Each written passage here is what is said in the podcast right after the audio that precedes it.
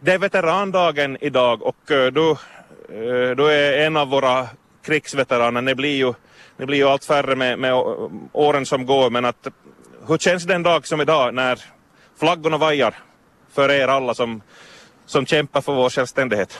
No, vi ska säga att idag, idag är eh, krigsveteraner redan ett, ett gäng som, hur ska jag säga, uppskattas på något sätt. Ja. Det var värre tidigare. Ja, det är, det är inte alltid som, som man har eh, gett er den, den uppmärksamhet som ni förtjänar. Nej, det har varit, varit, varit emellan, men så är det. Ja. Ja, på det här sättet.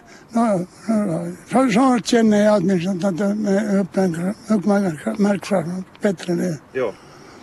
Och Ola, vi, vi pratade lite här under musiken jag hörde och jag frågade mig för om dina minnen att eh, du, du var med redan under vinterkrigen kan man säga men då var du, då var du inte vid fronten utan då var, var du ordonnans som det heter. Ordonnans i, i, i Karis. Karis för äh, överste Appelgrens ordonnans. Jag har ju lite springa, springa i olika uppgifter. Jo. Springa, ung pojke sprang ju. Hör du, hur, hur gammal eller hur ung var du då, då vinterkriget bröt ut? Jag var 16 år. Mm. Ja. Det var, det var... Man förstod ju inte egentligen, egentligen vad, vad, det, vad det var fråga om. Men, men Karis bombarderade ju mycket, mycket så att det, det satt ju en viss skräck i alla fall för en ung pojke. Kände verkligen av kriget också på hemmafronten. Men sen då, eh, fortsättningskriget, då, det var då som du kom till Österbotten, förstod jag? Ja, då kom jag den 18 januari 42 kom jag till, till Vasa första gången i mitt liv. Och härifrån följande dag får vi till Smedsmyböle ungdomsföreningshus och där, där började skolningen. Ja, ja.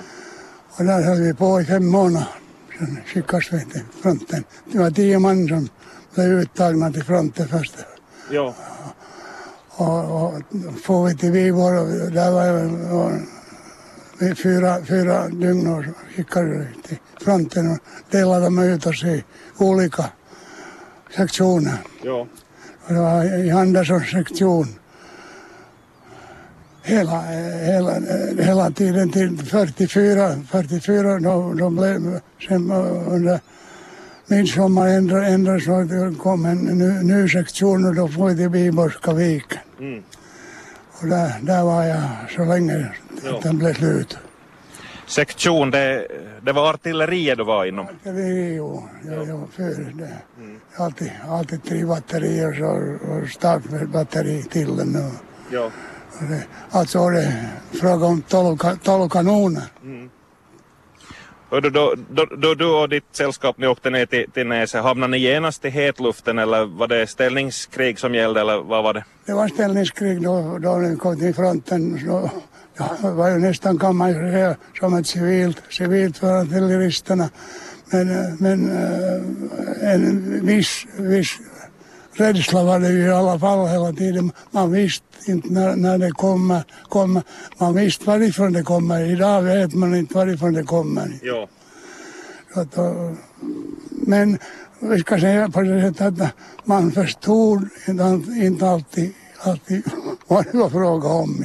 En ung, ung, ung pojke. Så, Ja. så har jag ungefär tänkt mig. Att, ja. Men då när det kom så var det, kom ju skräcken på naturligtvis. Men Ja. för att arbeta bort den så Var du med om, om riktigt hårda strider?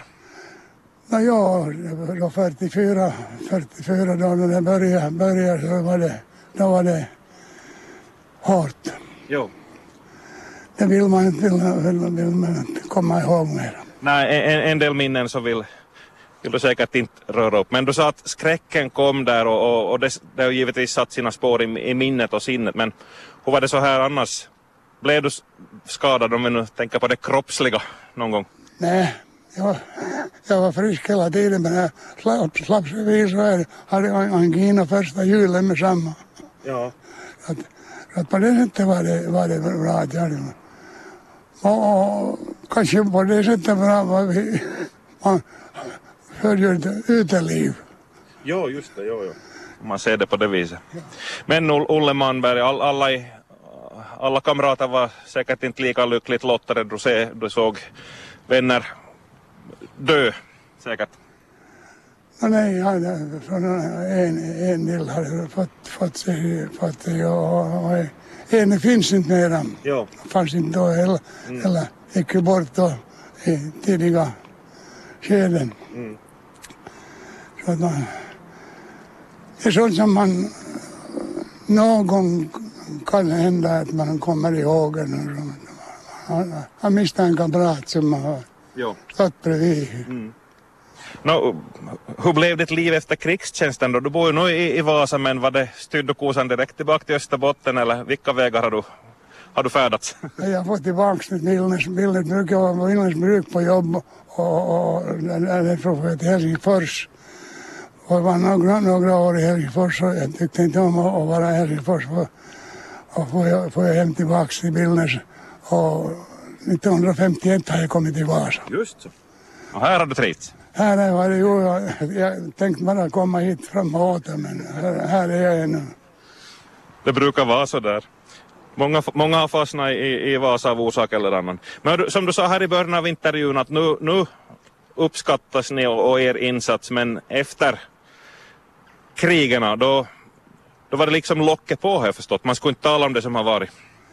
Ja, det var, det var så att alldeles man känner, känner som man ska vara skyldig skyldig till no, någonting som man inte ska få göra. Mm.